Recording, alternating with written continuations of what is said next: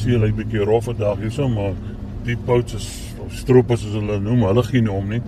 Hulle gaan met hulle bote in en gaan hulle Pellemon uit en kom weer terug. Ja, hulle swem hier van die kant af deur tot by die eiland en dan duik hulle hulle Pellemon daar uit, dan uh, haal die Pellemon uit die dop het steek hulle dit uit, kom hulle net met die vleis terug. En dan swem hulle al die pad weer terug en daar by daai eiland is so baie wit doodshaie daar. Ek weet nie, lyk my hulle is nie bang daarvoor hulle nie of hulle is baie stupid.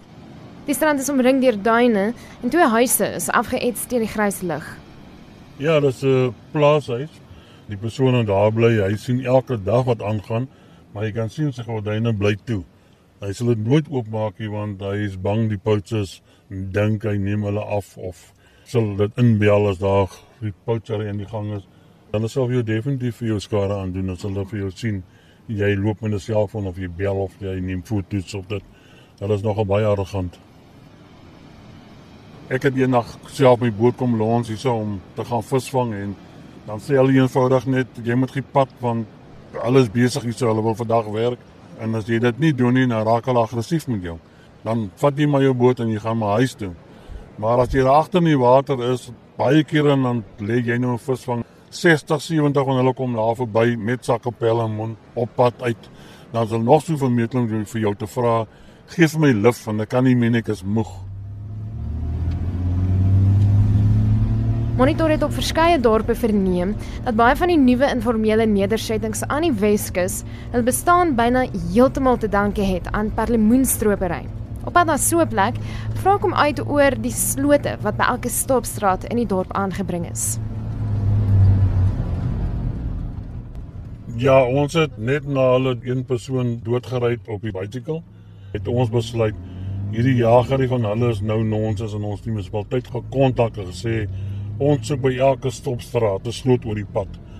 Hulle moet stop. Hulle anders gaan hulle voertuig so onderstelle breek. Maar net graag vir jou wys hoe staan die voertuie. Hier lê rabbedaks, kyk hoe lyk hulle daar. Hierdie BMW die staan. Hy's in die see geval van Botelons, hier staan hy by jou, daai ene. Ja, hy was onder water gewees en uh hom som uithaal en dis almal poute so daar sit.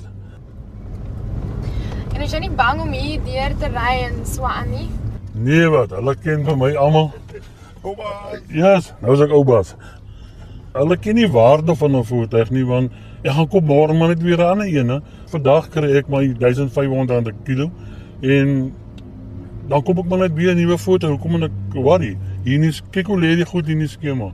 Hier lê hele klomp bakkies in die skema wat die water deur gegaan het. Hulle moet hom met 'n trekker uitsleep en uh hulle koop maar net weer. Hulle worry nie. En net 'n entjie verder is 'n groter huis met drie groot rubberbote op die grasperk. Ja, dit is die hoofou daai daai rubberdak gaan jy nie kry onder 85000 rand nie want hy het groot motors op en is 'n 6 meter Daar's vir een wat dis een wat 'n 8 meter is wat hulle gebruik. En so hulle ry 12 mense op daai eh, boot laai hulle gaan gooi af dan kom hulle weer terug en dan laai hulle maar weer 'n span op en gaan laai hulle weer af. Hulle name is bekend en hulle gesigte is bekend as ook hulle registrasienommers en hulle voertuie. Stroopers spog openlik oor hulle perlemoen stroop onder die owerheid se bote en een van die rotsriwe by die strand waar ons sopas was het volgens Smith byna geen perlemoen oor nie. En hier word niks gedoen in die saak nie. Hulle die Neptune manne en die polisie manne ry op en af in die kus, maar dit word net nie raak gesien nie. Hulle sien nie, hulle is blind.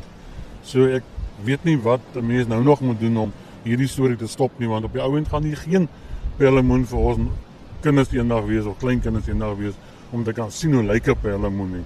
Hulle sê vir my dat uh, kyk hulle sommer onder saakie baatman wat die lê en uh, die mense hou partytjie bo in die boot en hulle stroop maar onder die boot die pelmoen want dit is waar die grootste pelmoen lê. En dan kom hulle maar net weer uit kus toe swem swem. En daar hulle kom weg na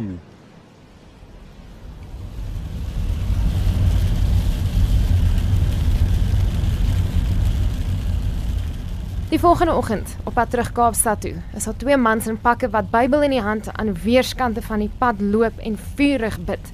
In die middel van die pad staan nog een, sy gesig na die hemel gedraai. Die bloedrooi kruis in sy hande is langer as hy. God het my gestuur om hier te kom bid om boodskappe te stuur want die sonde en die ongeregtigheid te groot kom word. Hy het my die boodskap gegee van die 21ste van die 12de maand 2018 tussen 3 en 4 die môre om te kom hier op hier en het my gestuur vir 2 weke van die 5de maart tot die 19de dan sal ek klaar wees om dit 8 uur die môre die 20 dan moet ek kyk. Ek's Marlene Forsie vir SAK nuus.